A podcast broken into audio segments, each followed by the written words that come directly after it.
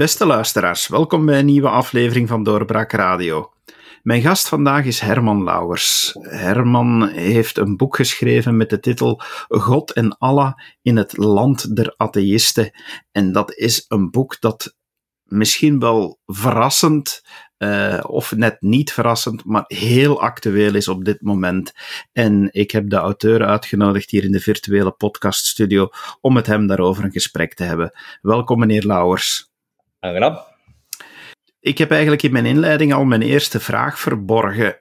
Is dit een boek dat nu uh, op heel snel tempo de laatste maanden is geschreven? Of bent u daar al een tijdje aan bezig en is het gewoon ja, iets wat dat echt nu heel actueel is? Uh, hoe, hoe, hoe is die tijdslijn eigenlijk geweest? Ja, uh, nee, dat, dat het nu uh, actueel is uh, rond een aantal thema's in, in, ja, in de Belgische politiek. En de, en de, um, dat is puur toeval. Want ik, was daar eigenlijk al aan begonnen, ja, ik denk ongeveer twee jaar geleden. en bovendien, sommige dingen had ik al opgezocht eerder. Ehm, onder andere voor een ander boek eh, dat ik, dat ik geschreven heb in 2018. Uh, eh, en, um, en met sommige dingen was ik ook al wel langer bezig. Bijvoorbeeld de, de, de, de relatie tussen wetenschap en, en, uh, en religie. Dus een aantal dingen um, waren al wel, nou, niet klaar, maar toch wel wel um, rijp om er iets over te schrijven, zal ik zeggen. Maar uh, andere dingen, zoals uh, de, de, de impact van het, uh, de, de, het gebruik van het woord verlichting in discussies, uh, dat was dan van, van recentere datum. Maar nee, nee, nee. Het is, het is zuiver toeval dat het verschijnt op het moment dat er rond hoofddoeken, rond zwembaden, rond al dat soort van dingen weer heel wat commotie is. En waarbij inderdaad opnieuw die discussie gevoerd wordt van uh, wat zijn nu eigenlijk de, de gevolgen van de verlichting? Wat is de interpretatie van een seculiere samenleving? Ik wil uiteraard de, de luisteraars de kans niet ontnemen om het boek ook te kopen en, uh, en te lezen.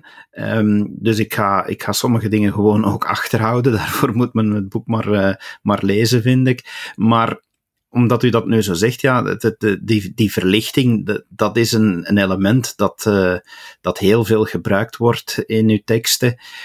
En eigenlijk zegt u daar toch, beste mensen, in al die discussies, als je het woord de verlichting gebruikt, sta je in de eerste plaats stil bij wat dat, dat inhoudt. Mhm. En daar is toch wel een heel deel van uw boek aan gespendeerd, vind ik. Ja. Juist, uh, om, om, ja, ten eerste, enfin, grotendeels om twee redenen. De eerste reden is dat de verlichting in principe eigenlijk maar een periode is van één eeuw, hè, de 18e eeuw, uh, terwijl uh, nadien er nog heel wat filosofische stromingen gevolgd zijn. de romantiek bijvoorbeeld, het, het, opkomen van het, van het filosofische atheïsme is van nadien. Um, dus, dus er zijn heel wat invloeden uh, in, ons, in de moderniteit, hè, de, de, moderne tijd, die, die, die van na de verlichting zijn. Dus uh, men kan niet doen alsof dat, dat er ondertussen niks gebeurd is. Hè. Dat is één. En de tweede reden is dat er binnen de verlichting minstens twee stromingen te, um, te, bemerken zijn die op heel wat vlakken elkaar tegenspreken. Uh, om het nu uh, kortweg te zeggen, de Engelse verlichting is van een heel andere aard dan de Franse verlichting. Die, die, filosofen, ten eerste waren ze wat gespreid over de tijd natuurlijk, maar bovendien, um, de, de boekdrukkunst was er al wel, maar de vertalingen gingen natuurlijk niet altijd even snel. Um, die, die hadden dus niet zomaar contact met elkaar, zoals dat vandaag hè, in de filosofie en in, alle wetenschap uh, het geval is. Uh, en om het, om het kortweg te zeggen, uh, is de Engelse verlichting met John Locke als boegbeeld dat is eigenlijk de voorloper van wat we de liberaal-democratische rechtsstaat noemen.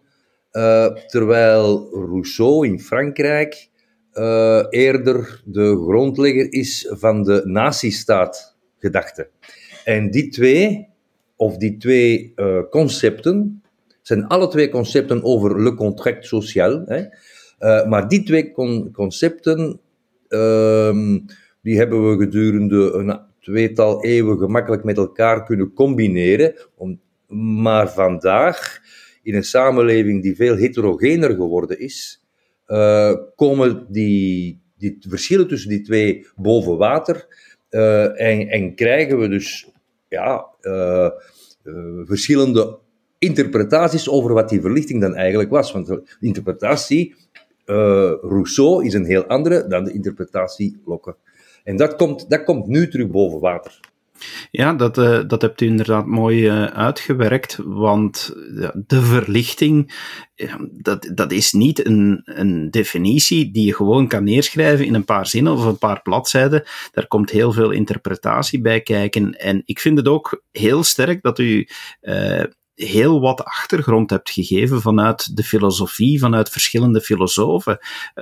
Want uiteindelijk, als je dit boek leest, dan, dan krijg je toch echt wel een heel pak intellectuele bagage mee over die verschillende uh, filosofische strekkingen. Dat, dat moet toch behoorlijk wat, wat nadenken geweest zijn om, om dat zo uit te werken en dat te kunnen neerschrijven.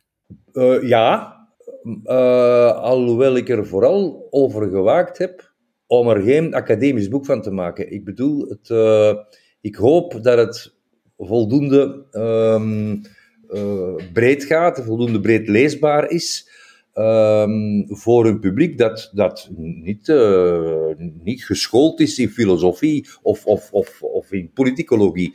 Um, ik hoop dat, dat, dat, uh, dat ik daar een beetje in geslaagd ben. En voor mij is het de bedoeling om, om, om sommige ideeëngoederen breder te verspreiden dan alleen onder academici. Wel, ik kan zeker al bevestigen, eh, nadat ik het boek heb gelezen, dat het, dat het geen academisch boek is, maar dat het wel een heel pak bagage bijgeeft die de meeste mensen onder ons niet standaard zullen mee hebben. Dus, dus in die zin heel makkelijk leesbaar, maar wel uh, ja, toch wel, toch wel leerrijk. Echt leerrijk vind ik wel, uh, om, om erover na te denken. En dat heb je echt wel nodig om over die begrippen na te denken. Want ja, u zegt het daar al, u noemt al de, de visie op wetenschap en religie. Daar stond een, uh, een heel opmerkelijk citaat in uw boek. In een van de dingen die ik heb aangeduid. Ik ben iemand die heel graag dingen aanduidt in boeken. Wetenschap en religie zijn twee totaal verschillende talen om de wereld te benaderen. De ene is rationeel, de andere intuïtief. De ene sluit de andere niet uit. Mm En de citaat. Dat is iets wat je niet veel mensen meer hoort zeggen tegenwoordig, want de meesten zullen vinden dat wetenschap religie totaal vervangen heeft. Ja, uh, en dat, daar wijd ik eigenlijk ook wel uh, bijna een, een, heel hoofdstuk aan uh, in het boek. Omdat de meest verspreide vorm van atheïsme vandaag is inderdaad het wetenschappelijk atheïsme. Dat zegt um, dat, dat, dat de wetenschap eigenlijk alle vragen over, over kennis heeft, ehm, heeft opgevangen. Dat alles verklaarbaar is vanuit fysica en, en, en kosmologie. Um, en ik zal dat ook niet, ik, ik, ik schrijf dat niet af binnen, binnen het paradigma van, de, van een rationele wetenschap. Hè. Um, maar ten eerste heb ik aangetoond dat dat paradigma in de wetenschap ook berust op een aantal aannames die op zichzelf intuïtief zijn, of die op zichzelf minstens, uh, bijvoorbeeld het begrip energie. Uh, in het boek leg ik uit waarom het begrip energie eigenlijk een zeer filosofisch begrip is. Um, en zo zijn er nog wel een paar. Uh, maar ten tweede, omdat los van het feit dat er grenzen zijn aan het determinisme van de wetenschap, hè, er zijn grenzen aan het determinisme van de wetenschap, los daarvan is het ook een misverstand om religie te beschouwen als een kennistheorie, als als een, een, vorm van weten of een vorm van, van uh, ja, kennis over de werkelijkheid. Dat is niet in wezen wat religie is. Um, religie is inderdaad gebaseerd op, op, uh, op, op een intuïtie, op, op uh, het eventueel aannemen van een mysterie, dat, uh, dat niet gebaseerd is op, op, op een weten en op een kennis, maar op een, ja, laten we maar zeggen, een aanvoelen. en natuurlijk, ja, in, doorheen de eeuwen gebaseerd op enerzijds traditie, anderzijds theologie. Hè? Daarom is, is de titel van uw boek ook zo treffend, vind ik, eh, met wat dat u nu al gezegd hebt. Oké, de plaats van, van religie, het wetenschappelijk atheïsme, dat, dat zeer sterk over, overheerst in onze maatschappij je zit dus met het feit dat je ook, als je dan gaat kijken naar de verlichting, en dit, eh, nu ben ik eigenlijk dingen aan het herhalen die ik geleerd heb uit uw boek, is, ja, oké, je, je zit inderdaad met interpretaties van de verlichting, eh, die geëvolueerd zijn in een, in een gemeenschap die ook voor een heel stuk geseculariseerd is, die, die geëvolueerd is naar, naar, uh, naar minder religieus. Nu komt daar door migratie een zeer sterke religieuze gemeenschap binnen. Dus daar zijn die verschillende interpretaties. En dat is wat het nu moeilijk maakt om terug een gemeenschappelijk kader te creëren waarin we gaan nadenken, oké, welke rechten gaan er primeren? Uh, want ja, dat, dat is een vraag, vind ik, die, die zeer sterk gestimuleerd wordt door wat u schrijft, is om, om zelf na te denken, oké, wat laten we daarin primeren? Uh, u, u hebt mij ook geleerd wat uh, het belang is van redelijke accommodatie om toch tot dat gemeenschapsvormen te komen. -hmm. Ja, uh, inderdaad. Hè, het, uh, dat, dat, zijn, dat zijn de, vraagstukken waar het dan uiteindelijk om gaat. Um, eerst en vooral heb ik ook in het boek proberen aan te geven dat, er, dat onze samenleving grotendeels geseculariseerd is dat ook de kerk zelf eigenlijk geseculariseerd is, maar dat er daarnaast ook wel toch nog steeds een grote vorm van uh, religiositeit of, of, of intuïtie aanwezig is in de, in de samenleving, die soms gebruik maakt van de christelijke symboliek, soms ook niet. Uh, en ik noem dat het ietsisme, hè, het, uh, de, het geloven in iets, iets wat ik trouwens dikwijls ook merk bij mensen die zichzelf nogthans atheïstisch noemen, maar die toch uh, al bij de gelegenheid van een uitvaart of dergelijke uitspraken doen die, die, die dan toch wel verwijzen naar iets boven of buiten of, of uh, binnen kosmisch uh, dat, dat, dat de werkelijkheid overstijgt, de gekende werkelijkheid overstijgt. Ik wil, daar, ik wil daarmee maar zeggen dat, het, uh, dat religiositeit, in, zelfs in West-Europa, want we moeten, daar, dat onderscheid moeten we wel maken. Het is voornamelijk in West-Europa, Frankrijk, uh, Nederland, België, Duitsland, dat, dat die, en Scandinavische landen, dat dat geseculariseerde, die geseculariseerde samenleving zeer sterk is. Um, ook daarbinnen is er dus nog altijd wel een onderhuidse uh, ja, aanwezigheid van, van religiositeit, denk ik. Maar, zoals u zegt, inderdaad, uh, door de migratie is daar een, uh, een zeer sterke... Dat is, eerst, eerst en vooral wordt dat beïnvloed door nieuwe vormen van katholicisme. Hè, want ik denk aan, aan de, de, Afrikaanse migratie bijvoorbeeld. daar zitten, zijn, zitten heel wat katholieke mensen tussen, Polen, idem. Uh, dus, dus we krijgen invloeden van, van buitenaf die uh, terug invulling geven aan een, uh, aan een traditioneler katholicisme. en anderzijds heb je uiteraard de, de islam in al zijn, in al zijn variaties. en, en de vraag is hoe dat je, hoe dat, je dat allemaal combineert in één samenleving. En uh, wat u daarnet eh, noemt, de, de redelijke accommodatie is eigenlijk uh, een, soort van stelling dat binnen de linksliberale rechtsstaat, want dat is wel de grens, uh, waarbinnen ik denk dat er moet gedacht wordt, worden. Hè.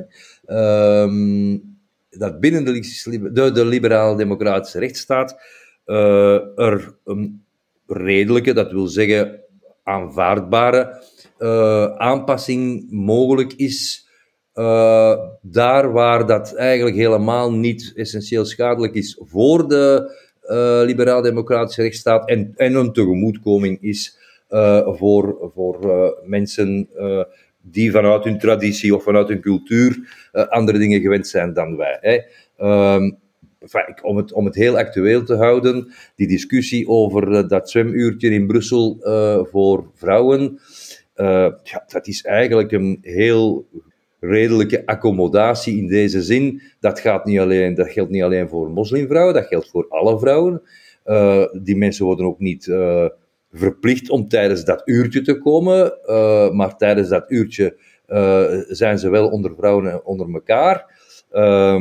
En, uh, en, dat is dus geen, kwestie van segregatie, want iedereen kan op, op al die andere uren ook komen, tenzij er misschien nog een, een apart uurtje voor senioren of voor kinderen zou zijn, hè, want dat, dat zijn ook redelijke accommodaties van een andere aard. Dat, dat, dat schaadt uh, de, de, de, samenleving, de, de westerse, de, de seculiere samenleving geen zins. Um, raakt niet aan de essenties en de verworvenheden van, van, van de rechtsstaat. Uh, dus dat is, naar mijn gevoel, een, een, voorbeeld van iets waar helemaal niet zo uh, dramatisch moet over gedaan worden en dat direct in een ideologisch debat moet worden getrokken. Um, er zijn andere dingen waar wel grenzen zijn. Hè. Uh, het, het, het is niet redelijk, bijvoorbeeld, om te, om te willen dat uh, alle scholen waar een, uh, een Joods kind naar school zou gaan, om daar dan maar een, een keuken te voorzien. Omdat dat niet redelijk is, omdat dat te veel, uh, te veel inspanning en infrastructuur vergt. Dus dat, dat, dat is niet redelijk. Hè. Um, en uiteraard zijn er grenzen aan aan de, die accommodatie, dus waar, waar ze niet mogelijk is. Ik denk bijvoorbeeld, uh, naar mijn gevoel, naar mijn smaak, hè, dat uh, een, een, een, burka die, die volledig het gelaat bedekt en alleen nog de ogen vrijlaat of, of, of met gaas voor de ogen, dat dat iets is wat in de openbare ruimte niet moet getolereerd worden, omdat dit nu eenmaal past in onze uh, regels rond veiligheid en, en herkenbaarheid en identificatie door, door uh, politie of ambtenaren en dergelijke. Uh, de, er, er, is niemand, niemand, het is niet toelaatbaar dat mensen met, ja, met een masker op straat rondlopen, behalve dan met carnaval misschien. dus dat, dat, dat zijn dingen die te ver gaan. Hè? Uh, maar dan heb ik het niet over hoofddoeken, dan heb ik het inderdaad over die niqabs of over die, uh, die, die. Dus uh, dat zijn maar een paar voorbeelden van, ja, van waar accommodatie mogelijk is of niet mogelijk is in een democratische rechtsstaat. en wat is nu het verschil met een, met, met, met een, een nazistaat? Um, dan, dan, komen we dus in die discussie over soorten van verlichting. Uh, een nazistaat gaat eigenlijk uit van de homogeniteit van haar bevolking. De natie, het volk. En dat was natuurlijk in de, in de 18e eeuw ook zo. Uh, Duitsland, Frankrijk, Engeland, waren inderdaad tamelijk homogene naties. Uh, te meer omdat, ik herhaal nog eens, er op dat ogenblik eigenlijk zelfs van atheïsme nog geen sprake was. Uh, maar doorheen de eeuwen is dat uh, zo, zo, sterk geëvolueerd, uh, totdat we op een punt zijn gekomen waar door migratie uh, die homogeniteit, homogeniteit ja, verbrokkeld, zal ik maar zeggen, en niet, niet door de, het verschil in culturen, in talen, in enfin, moedertalen, in religies geen homogene nazistaten meer zijn. En dat is een vaststelling uh, waar je niet omheen kan. Um, en dan zijn er weer twee mogelijkheden. Ofwel uh, erken je dit en probeer je uh, binnen het kader van een, van een liberaal-democratische rechtsstaat te zien hoe je daarmee kan omgaan. Ofwel erken je dat niet en, en ga je ervan uit dat die mensen ja, uh, zich eigenlijk volledig moeten aanpassen aan de, de cultuur waarin ze terecht zijn gekomen. Um, en daar hanteer ik eigenlijk het principe uh, dat dit natuurlijk op een heel aantal terreinen nodig is en ook voor henzelf emancipatorisch is. Denk maar aan het, aan het spreken van de taal. Hè. Maar het, het heeft een omgekeerd effect wanneer men mensen dwingt om hun cultuur, uh, om afscheid te nemen van hun cultuur. En dat is wat Loobuik de integratie-erkenningsparadox noemt. Namelijk, hoe meer dat je mensen dwingt om uh, zich aan te passen aan, aan een omgeving die voor hen uh, niet diegene is waarin ze zijn opgegroeid, hoe meer ze op zichzelf zullen terugplooien um, en, en, en zich aan elkaar zullen, uh, met elkaar zullen verbinden als een soort van uh, gemeenschap binnen de gemeenschap. Dat is nu net wat we willen, vermijden. Hè. Um, en een voorbeeld daarvan, ik, vind het, een van de mooiste voorbeelden die je kunt vinden, dat is dat de discussie over de hoofddoeken voor leerlingen is pas beginnen, uh, is pas ontstaan op het ogenblik dat men eerst in Antwerpen, daarna in het gemeenschapsonderwijs, die hoofddoeken is gaan verbieden. Want op dat moment is, zijn die hoofddoeken een symbool geworden voor veel meer dan alleen maar een, een religieuze uiting. dan, dan, die hoofddoeken zijn, zijn een symbool geworden van de, de roots van die mensen, van hun, van hun cultuur, van hun identiteit. We hebben, wij hebben die hoofddoeken zelf als Vlamingen veel belangrijker gemaakt dan ze misschien waren. Um, en dat is die integratie-erkenningsparadox waar Lobuik het over heeft. En dus om dat te vermijden, kan je beter zoeken naar vormen van redelijke accommodatie.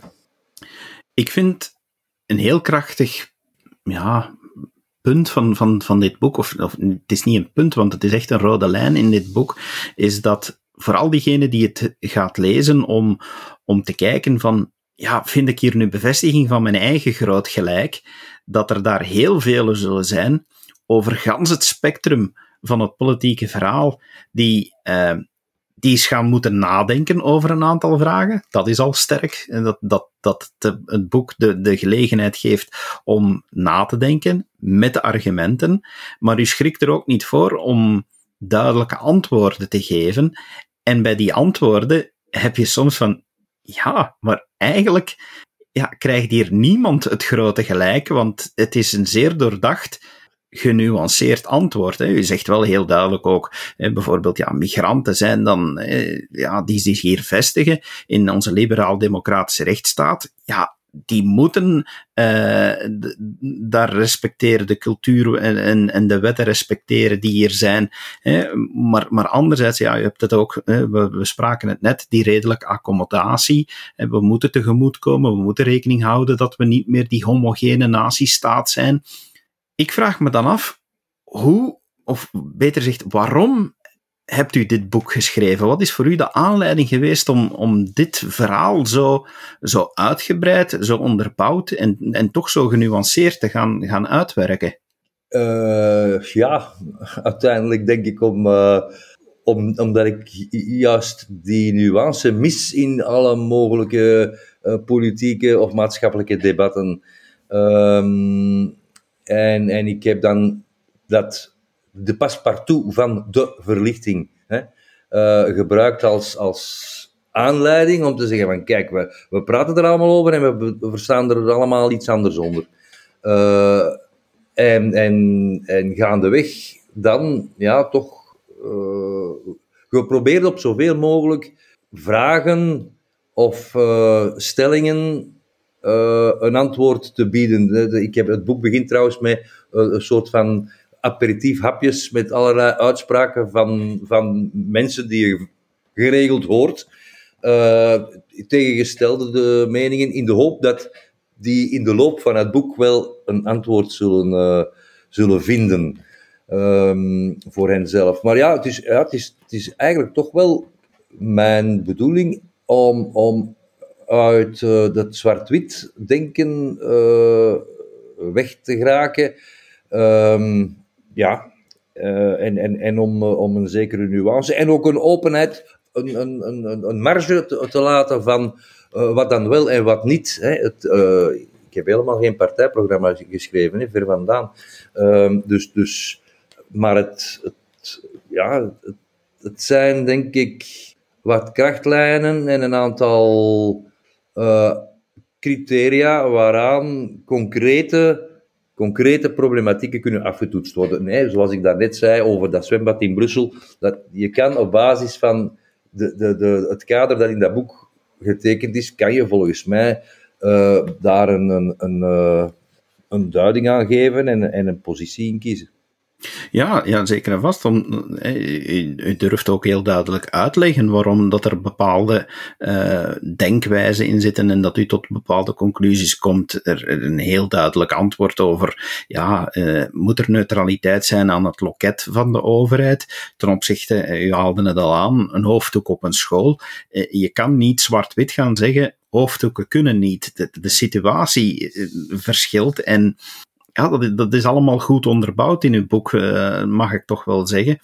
Het, het, een van de weinige punten waar ik een beetje op mijn honger bleef zitten, was het punt over de zelfcensuur. Het, het, het punt waar, waar, waar u gaat aanraken, ja, van, van satire moet kunnen. We hebben de recht van vrijheid van meningsuiting, die cartoons.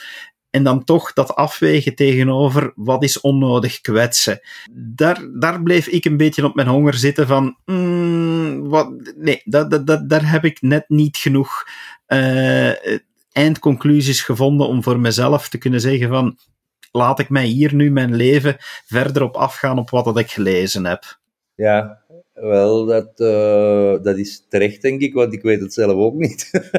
het, uh, ik, dat is inderdaad... Um, het, het uh, recht op, op, op vrije mening en, vrije meningsuiting, ook als dat over cartoons gaat, uh, dat, dat, dat moet gevrijwaard blijven, zonder enige twijfel. Uh, maar soms denk ik van ja, moet dat nu? Hè? Uh, wel wetend dat je daar mensen heel sterk mee beledigt. Als je het opentrekt naar, naar, de, naar, naar de samenleving uh, mensen beledigen mag, maar moet het? Uh, ik, ik ga, ook in het dagelijks leven ga ik proberen van, uh, zelfs als ik, als ik in dialoog ga met mensen waarmee ik het niet eens ben, ga ik toch proberen te vermijden van ze te beledigen. Maar dat is meer een, meer een, een, persoonlijkheidskenmerk, of misschien een soort van, van ja, van uh, sociale omgangsvorm die ik hanteer maar anderen misschien niet. En uh, anderen zullen misschien liever provoceren. Uh, en provoceren, ja, dat mag. Maar dan moet men natuurlijk ook niet schrikken dat er een reactie op komt. Hè? Ja, uh, maar, maar, dus ik ben het met u eens hoor, dat, uh, dat het. ik laat dat open. Ja, dat is juist. Heel opmerkelijk vind ik ook eigenlijk de ondertitel. een pleidooi tegen de lekenstaat. De, daar ja, gaat u doorheen het boek toch ook echt wel duidelijk een antwoord geven dat, uh, dat in die, uh, beter gezegd, dat, dat de klepel of, uh, of de, ja, de, de richtingsaanwijzer niet te ver mag, mag doorgaan in die richting om naar een totale lekenstaat te gaan. Daar, daar, daar bent u ook wel vrij duidelijk in. Ja, um, ik, ik wil voor alle duidelijkheid uh, zeggen dat uh, die, die titel is een klein beetje provocerend in deze zin. Uh, ik, de lekenstaat, als ik spreek over de lekenstaat, dan heb ik het over de strikte laïcité, zoals die nog het meest aanwezig is in, in, Frankrijk. Dat wil zeggen, en dat is een uitspraak die niet van mij komt, maar van John Gray, en dat is zelf nogthans een uitgesproken atheïst, uh, die zegt eigenlijk, de laïcité is een uh, vorm van atheïsme waarbij atheïsme de staatsfilosofie geworden is. En dat bestrijdt hij. Hè. Um, en ik denk dat dat inderdaad uh, in, de, in, de Franse, in de Franse opvattingen um, wel in die richting gaat. er waren een aantal versoepelingen onderweg de laatste jaren, onder andere een soort van sociaal opvangsysteem voor priesters. Ehm, maar onder meer door de aanslagen in Parijs uh, worden die terug op de helling gezet, om, om, omdat, omdat de, roep naar, naar een nog striktere laïcité weer in Frankrijk is opgedoken. En vandaar nu in Franstalig België ook. Het is heel duidelijk dat vooral MR zich daarop profileert en dat, dat, dat kan, of, of dat, daar is een voedingsbodem voor, omdat heel wat Franstaligen in België qua media gericht zijn op Frankrijk. Hè. Um, dus ik heb het dan over die strikte laïcité. Um, en wat staat daar tegenover? Dat zijn vormen van pluralisme. Uh, en die kunnen heel verschillend zijn. Die zijn ook heel verschillend in, in, in Nederland, in Duitsland, in Engeland, in, in België. Um, en dat, dat is ook geen probleem. De, al, die, verschillende vormen van pluralisme, zoals bij ons het bestaan van het, de, de, de, de kerkfabrieken bijvoorbeeld en het, uh, de erkenning van erediensten, het betalen van de bedienaars van erediensten en dergelijke staan, staan bij ons in de grondwet. Dat is in andere landen anders geregeld. Uh, het uh, Europees Verdrag van van de Rechten van de Mens laat dat ook toe, want sommige dingen zijn afgetoetst omdat er klachten tegen waren. Um, maar essentieel is uh, dat in een uh, liberaal-democratische rechtsstaat een, uh, een, een, een, middenveld moet erkend worden. En dat kan dus ook een religieus gekleurd middenveld zijn. dat, dat voldoende de, de, de, vrijheden moet hebben om, om, om, om ja, de waarden te beleven die ze wil beleven. Um, ook in de publieke ruimte want dat is, dat is net wat de laïciteit doet, dat is de religie terugdringen tot achter de voordeur uh, en het beschouwen als, een, als, een, als iets dat heel strikt privé is, maar eigenlijk niet tot uiting mag komen in het openbaar. En dat is nu ja, wel net kenmerkend voor vele religies, dat zij die, die eh, collectieve beleving en, en, en uiting uh, nodig hebben en, en als een stuk van hun identiteit beschouwen. Um, en waarom bepleit ik dat? Omdat, uh, omdat je religie niet kan reduceren tot een mening. Je kan een mening hebben over van alles en, en, en nog wat. Religie is veel eer, ja, zoals ik het ook al aangegeven heb, een, een, een enerzijds een intuïtie, anderzijds een, enfin, een, een ehm, ja, een element van traditie en van identiteit. Hè. Um, ook wij Vlamingen beseffen misschien onvoldoende hoezeer wij eigenlijk door de christelijke cultuur zijn beïnvloed. Uh, maar dat geldt a fortiori natuurlijk voor moslims, die uh, nog veel dichter bij hun tradities staan. Uh, en, en, een islam die inderdaad geen verlichtingsperiode heeft gekend. Ehm, maar waar die traditie uh, ja, een, een, sterk, eh, een sterk kenmerk is van, van hun identiteit, van wie zij zijn. Uh, wil dat zeggen dat dan alles tolereerbaar is? Nee, omdat bijvoorbeeld verplichte huwelijken of, of lijfstraffen of ehm, de, de, zijn verboden in, in de Europese samenleving. Vrouwen hebben evenveel rechten als mannen, enzovoort enzovoort. Um, homoseksualiteit is in de meeste Europese landen uh, erkend en toegelaten. Dat, dat zijn grenzen. Dus, dus uh, dat kunnen wij niet, in, tenminste niet in Europa, tolereren als, um, als een vorm van, van collectieve identiteit. Hè. Maar uh, waar het wel kan, hè, uh, is religie meer dan alleen maar een mening. En uh, heeft, ja, zit, zit het veel meer um, verworven in, in, in, in de persoonlijkheidsstructuur van mensen. U zei daar straks twee jaar gewerkt aan het boek. Hebt u in die twee jaar met heel veel mensen gesproken om uh, uw ideeën af te toetsen, om weerwerk te krijgen, om het allemaal te polijsten? Uh, veel gesproken eigenlijk niet. Ik heb wel, uh, ik heb wel eens een, paar mailtjes gestuurd. één naar uh, Benadou en één naar Lobuik. Om, om een stukje af te toetsen of wat ik schreef wel klopt met, met hoe zij het bedoeld hebben.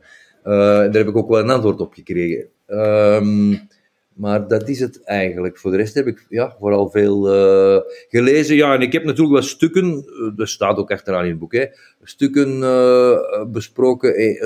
enerzijds met mijn broer, die van postmodernisme meer kaas gegeten heeft dan ik. En anderzijds met Dirk Verbist, dat is de directeur van de Federatie voor Sociaal Cultureel Werk. omdat hij de, veel meer vertrouwd is met de migrantenorganisaties, omdat die hè, ook weer zo'n punt van discussie, uh, werken die nu segregerend of werken die nu integrerend? Of ja, integratie bevorderend.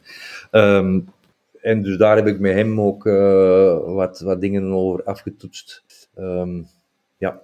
Maar dus nee, voor de rest, voor de rest is het vooral lezen, nadenken. En ja, natuurlijk, hoe meer je leest, hoe meer je ook soms ziet dat de ene auteur het al iets anders interpreteert dan de andere en dat je daar moet zien waar daar de, de gemeenschappelijkheid zit.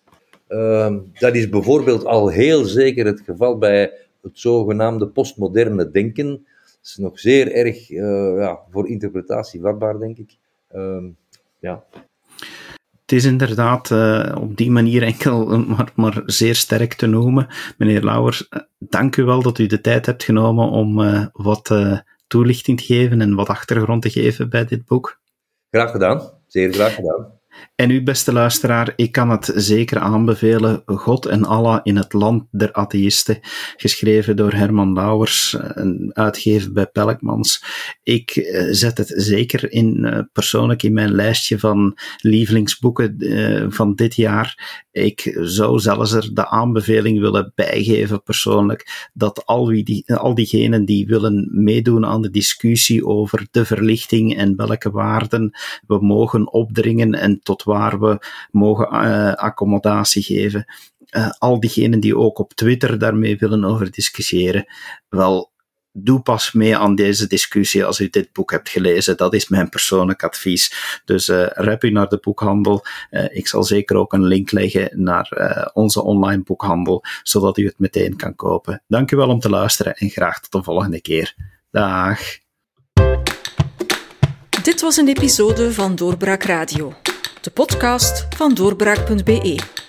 Volg onze podcast op doorbraak.be/slash radio of via Apple Podcasts, Overcast of Spotify.